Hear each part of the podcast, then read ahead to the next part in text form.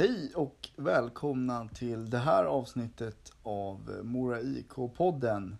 Där jag idag tänkte att eh, vi skulle upplysa oss själva lite om Mora IKs historia. Häng med!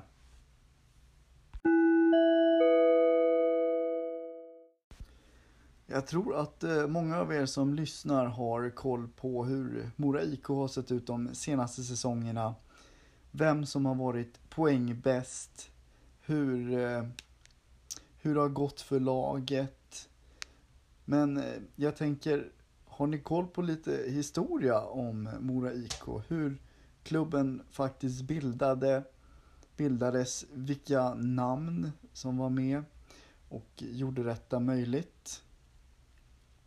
Kan ni till exempel svara på frågorna när Mora IK bildades? Eller om vi frågar Eh, när Mora för första gången spelade i den högsta serien som då hette Svenska serien. Eller till exempel, vem var den första som anställdes som fulltidstjänsteman i Mora IK-föreningen? Eh, kan ni svara på dessa frågor så antar jag att ni har en bra inblick på Mora IKs historia. Men jag tror att många faktiskt inte kan svara på de här basala frågorna. Och med det här avsnittet så tänkte jag då att jag skulle eh, försöka då upplysa både er och mig själv genom att jag gör lite research på då Mora IKs historia. Let's go!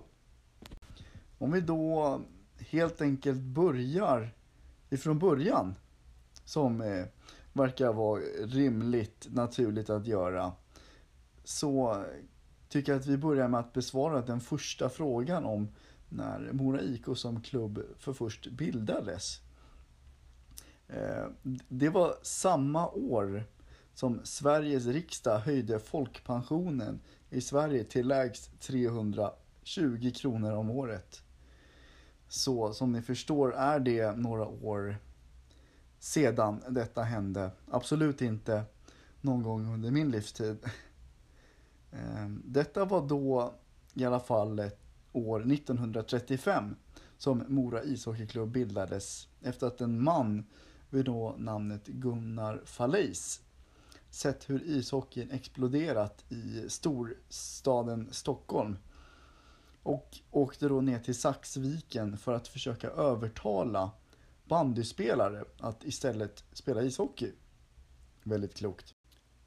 Dessa bandyspelare var ju självklart skeptiska och visade inte något stort intresse när Gunnar kom med raka klubbor och gummipuckar. Men han fortsatte och låg i och eh, vintern 1931 på en vacker och kristallklar is på Saxviken eh, hade de då sin första träning och eh, hockeyn hade då kommit till Mora. Viktigt att eh, ta upp här är att eh, Mora IK var den första föreningen som eh, spelade hockey på en organiserad nivå i Dalarna. Våran lillebror och ärkerival på andra sidan Siljan såg ju självfallet upp till oss och eh, kunde inte vara sämre. Så även de lyckades tre år efter att eh, få till ett eh, hockeylag och bildades då 1938. Mora, som det här då handlar om, accepterades två år efter att klubben bildades in i det svenska ishockeyförbundet. Och den första matchen spelades i minus 24 grader mot raggarna uppe i Älvdalen. Matchen slutade med en 5-4 vinst med både ordförande och spelare Gunnar Falley i täten. Laget bestod då av 10 spelare, vilket i jämförelse med dagens hockey inte ens är hälften av en modern hockeytrupp. Det var dock ett problem för Mora IK att verkligen göra ett namn för sig själva för att då få delta i det nationella seriespelet. Masarna från Dalarna var helt enkelt inte på hockeykartan än. Men det var någonting som Gunnar Falley jobbade på och han åkte flertalet gånger ner till Stockholm för att försöka då övertala svenska ishockeyförbundet om att laget var mer än kvalificerade för att spela seriespel. Och för att bevisa det här visar han då lagets fina prestationer. Förbundets svar dröjde väl länge, men 1945 fick falla i det glädjebesked att seriespel i landets näst högsta division är vad som väntade klubben. Redan året efter lyckades Dalalaget att kvala till sig en plats i landets högsta serie efter att ha slagit ut Västerås och Matteuspojkarna som för övrigt tagit inspiration ifrån schlagerlåten Det är grabben med choklad i när den valde färgen brun på deras logga. Mora kämpade därefter några år för att få vara kvar i Hockeysveriges finrum men eh, tillsammans med gatustensförsäljarna IF åkte tyvärr Mora ut 1948. Här byggde sig Mora väldigt starka och studsade genast tillbaka till den högsta serien 1950. Och samma år eh, hade också Mora sin största idrottsliga framgång där klubben lyckades ta ett SM-silver. Hade bara tåget hållit tidtabellen kanske vi till och med kunde ha skrytit om ett SM-guld, men eh, tyvärr inte. Vägen mot SM-silvret skulle ju kunna sägas vara Moras största bedrift som förening. Men jag vill ändå hålla det här lite öppet och eh, tänker att jag lägger in lockout-säsongerna som jag ändå tycker skulle kunna konkurrera. Där lilla Mora har lyckats locka till sig storspelare som Marian Hossa, Sean Horkoff och nu nyligen Anse Kopitar och Bobby Ryan att då spela i den så fina Mora-tröjan. Men eh, detta är ju såklart en diskussion för en annan dag, men hör gärna era synpunkter på den här frågan. Om vi ska gå tillbaka till Mora IKs väg till SM-silvret 1950 så spelade de först en grundserie på hela 10 omgångar där vi idag spelar 52 54 omgångar om jag inte har helt fel i SHL och allsvenskan. Eh, Mora kom eh, på en blygsam fjärde placering i den norra divisionen med 8 poäng totalt. Men eh, det räckte till slutspel. Där Moralaget fick eh, Gävle i åttondelsfinalen som de besegrade. De besegrade även Södertälje i kvarten och Göta i semin. Tänk att vi mer ska fokusera på guldmatchen som de eh, hade mot Djurgården. Säsongsgiganterna Djurgården den här säsongen. De hade inte förlorat en enda match och snittade nästan sju mål per match. Ja, det här skulle ju inte bli någon lätt uppgift för Morapojkarna. Matchen spelades på Östermalms IP som eh, ligger bredvid Stockholms stadion. Där för övrigt E-Type ska spela i sommar. Om det blir av. Det var 6000 själar på plats för att ta del av denna SM-finalen. Men eh, Moralaget hade blivit försenat. Jo, tåget till Stockholm anländer 30 minuter innan matchstart. Och istället för att skjuta upp matchen och värma upp som vanligt väljer Mora IK att köra igång direkt. Detta kommer att straffa sig väldigt fort då när pucken släpps har knappt hälften av Mora-laget hunnit byta om. Och det resulterar i att Djurgården snabbt gör både 1 och 2-0. Ehm, när hela laget väl är ombytta och klara för match kunde laget heller inte då knappa in det här äh, och eh, Djurgården vann till slut finalen med 7-2. Ja, det är jobbigt det här med tågtider kan vi konstatera. Ja, då har vi ju kommit till den delen av avsnittet där vi helt enkelt har nått toppen. Mora IK har tagit sitt SM-silver och eh, efter det här har klubben eh, enbart eh, kommit på en sjunde, åttonde plats i eh, högsta serien. Så jag tänker att eh, i och med att det enbart kommer att gå utåt efter det här så ska vi andas lite och reflektera lite över vad vi faktiskt har gått igenom. Lite spontant så tyckte jag att det var lite intressant det här med eh, att Mora IK, de, eh, ja, för det första så var det 1930 som de då började att eh, träna ishockey 1931. Sen så bildades de 1935. 1937 vart de accepterade in i det Svenska ishockeyförbundet. Men efter det så tog det många år innan de sen vart accepterade till att spela seriespel. Vilket var någonting som Gunnar låg på förbundet väldigt mycket. Det tog alltså till 1945 innan de då fick spela i division 2 om jag förstått det rätt. Och sen så lyckades de första året att kvalificera sig till den högsta ligan som då hette Svenska ligan. Så någonstans måste ju det svenska ishockeyförbundet ha missat Mora IKs faktiska kapacitet då de år efter år har tackat nej till att ha Mora i det här seriespelet. Så jag förstår ju verkligen hur Gunnar Falley eh, han måste ju ha sett någonting i sitt lag och därför var han så pådrivande. Annars kan man ju tänka att om man har fått en, två, tre nej att man liksom slutar. Det finns ju en grundregel som säljare att du försöker eh, framföra det eh, du försöker sälja, du försöker pitcha det du vill sälja. Säger de nej, nej en gång så fortsätter du. Säger de nej en andra gång, då får man lite eh, Då får man tänka lite, hur låter det här nejet? Och låter det lite osäkert så ska man fortsätta en tredje gång. Men i det här fallet så har han då fått ett nej. Om man tänker att han har eh, då varit och förhandlat med, med dem varje år så har han då fått ett nej ifrån 1937 till 1945.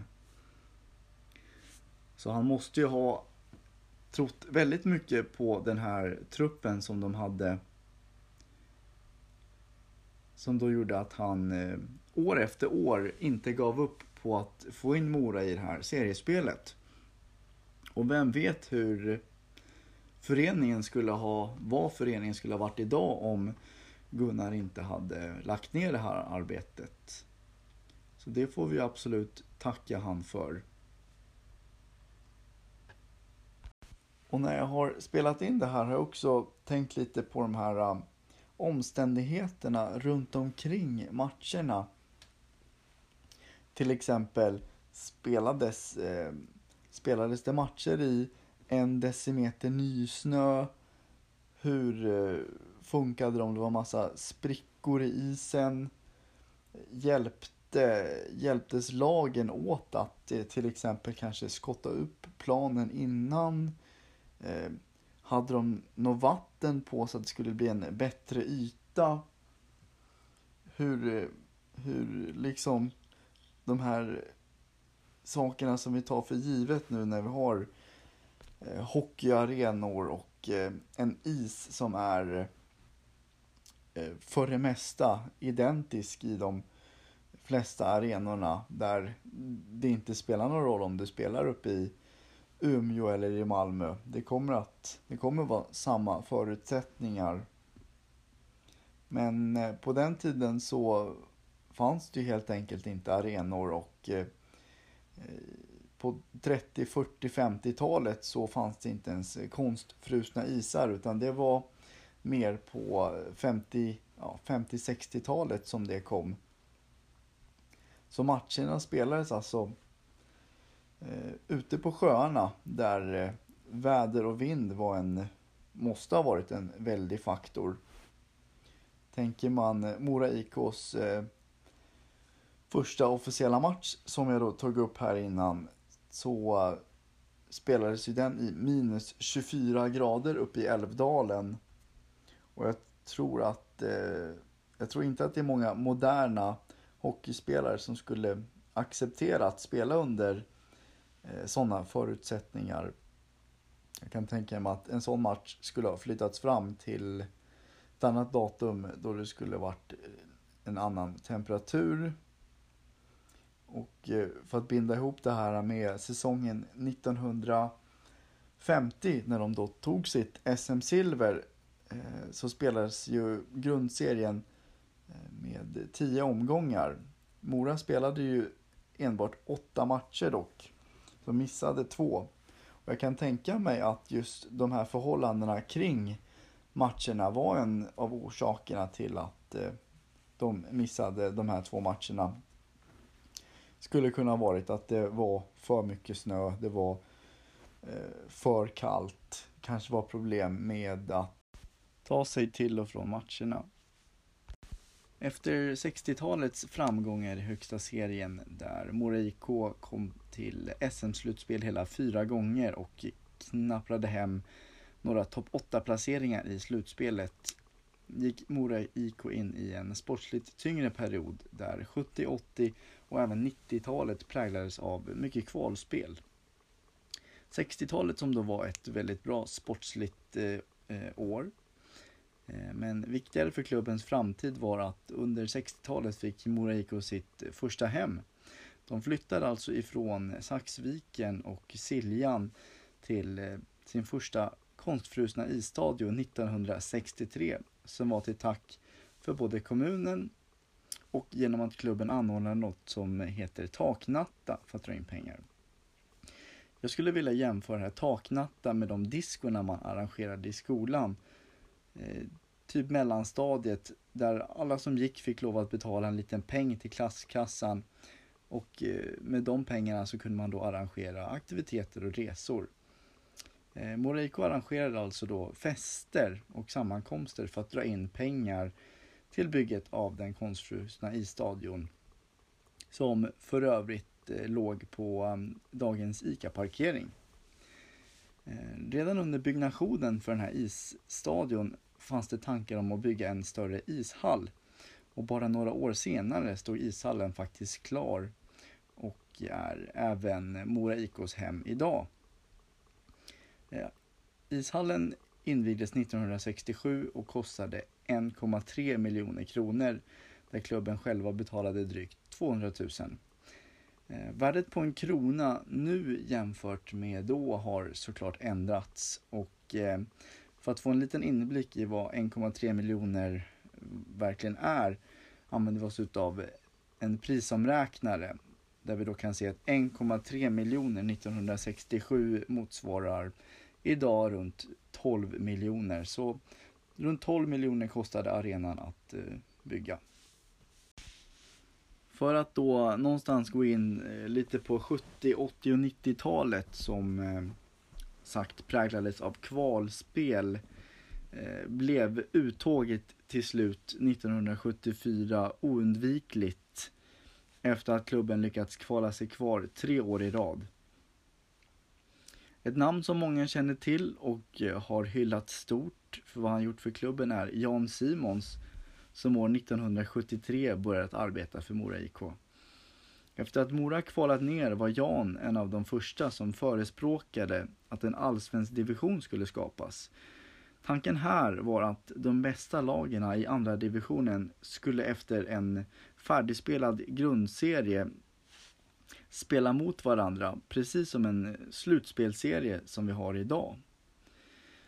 Denna allsvenskan eller slutspelserien tog Mora sig till nästan varje säsong men lyckades inte ta det här lilla sista steget till elitserien som skapades 1975.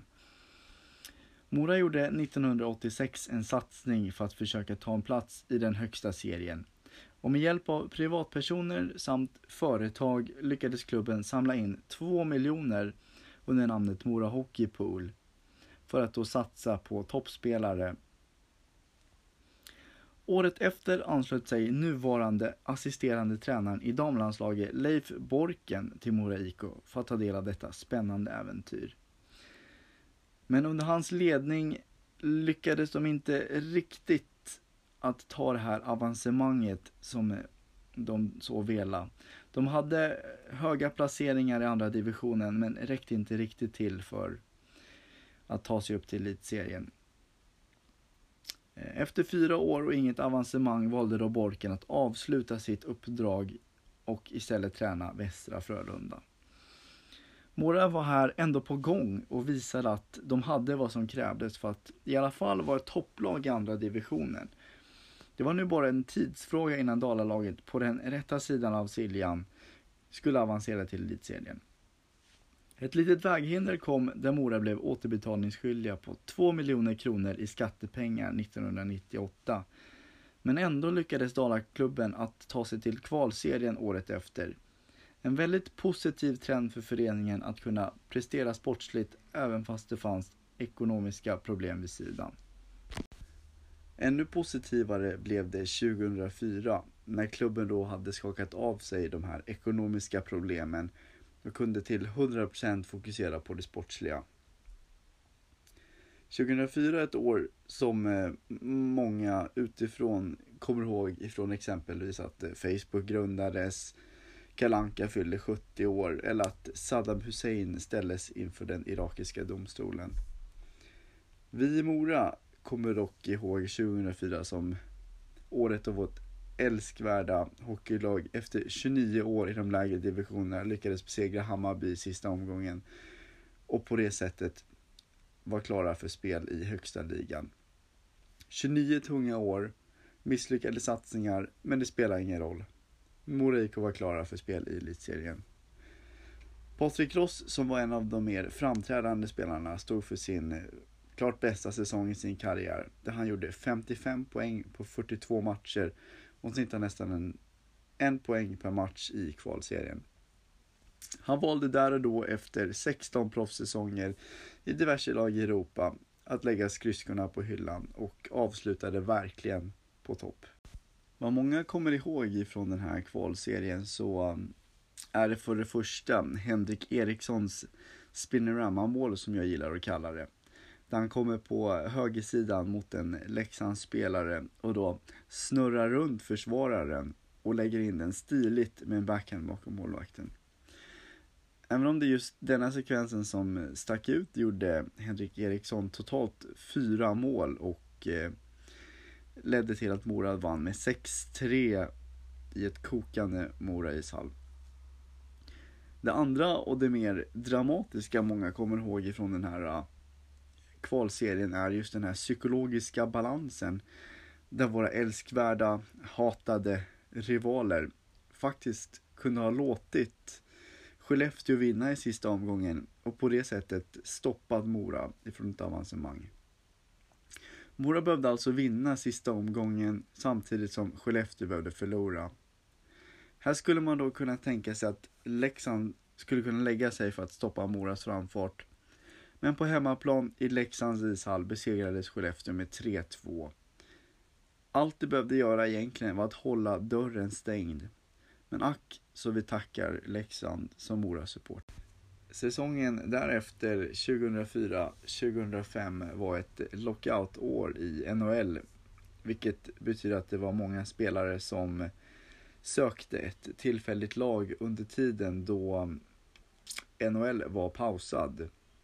Mora lyckades då attrahera sig stora stjärnor som Sean Horkoff, Marian Hossa, Marcel Hossa och eh, Andreas Lilja. Eh, 2004 och 2005 eh, förvandlades också Mora ishall till den fina moderna FM Mattsson Arena som vi har idag. Också kallad Smidjegrav Arena. Mora åkte tyvärr ur högsta serien eh, två år senare. Och ytterligare tre år senare, 2010, valde Jan Simons att eh, efter sex, 36 år i klubben säga upp sig som klubbdirektör.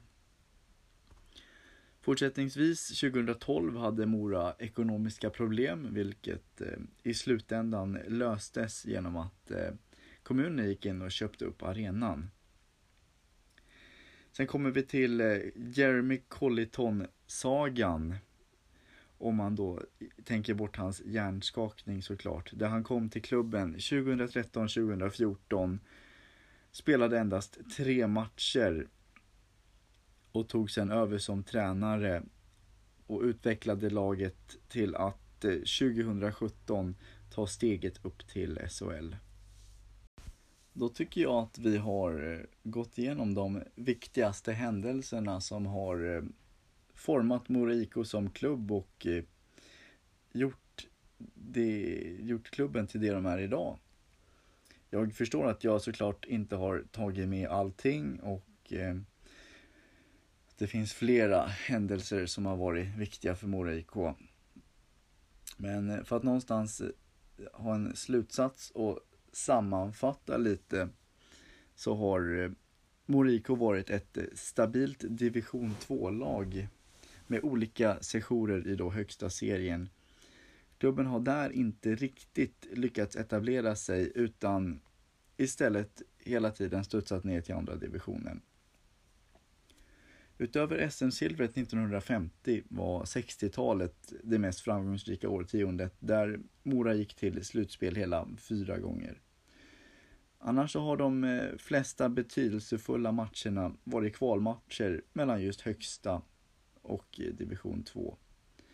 Mora har lyckats vara ett topplag i näst högsta serien med både duktiga egenproducerade spelare samt som lyckade värvningar. Detta är någonting som jag också tycker speglar Moreiko idag och är en väldigt eh, stor styrka i klubben. Jag som har spelat in det här heter Jonas Wendt och jag tackar er för att ni har lyssnat på det här avsnittet av Mora IK-podden. Så hörs vi i nästa avsnitt, mina Mora IK-vänner.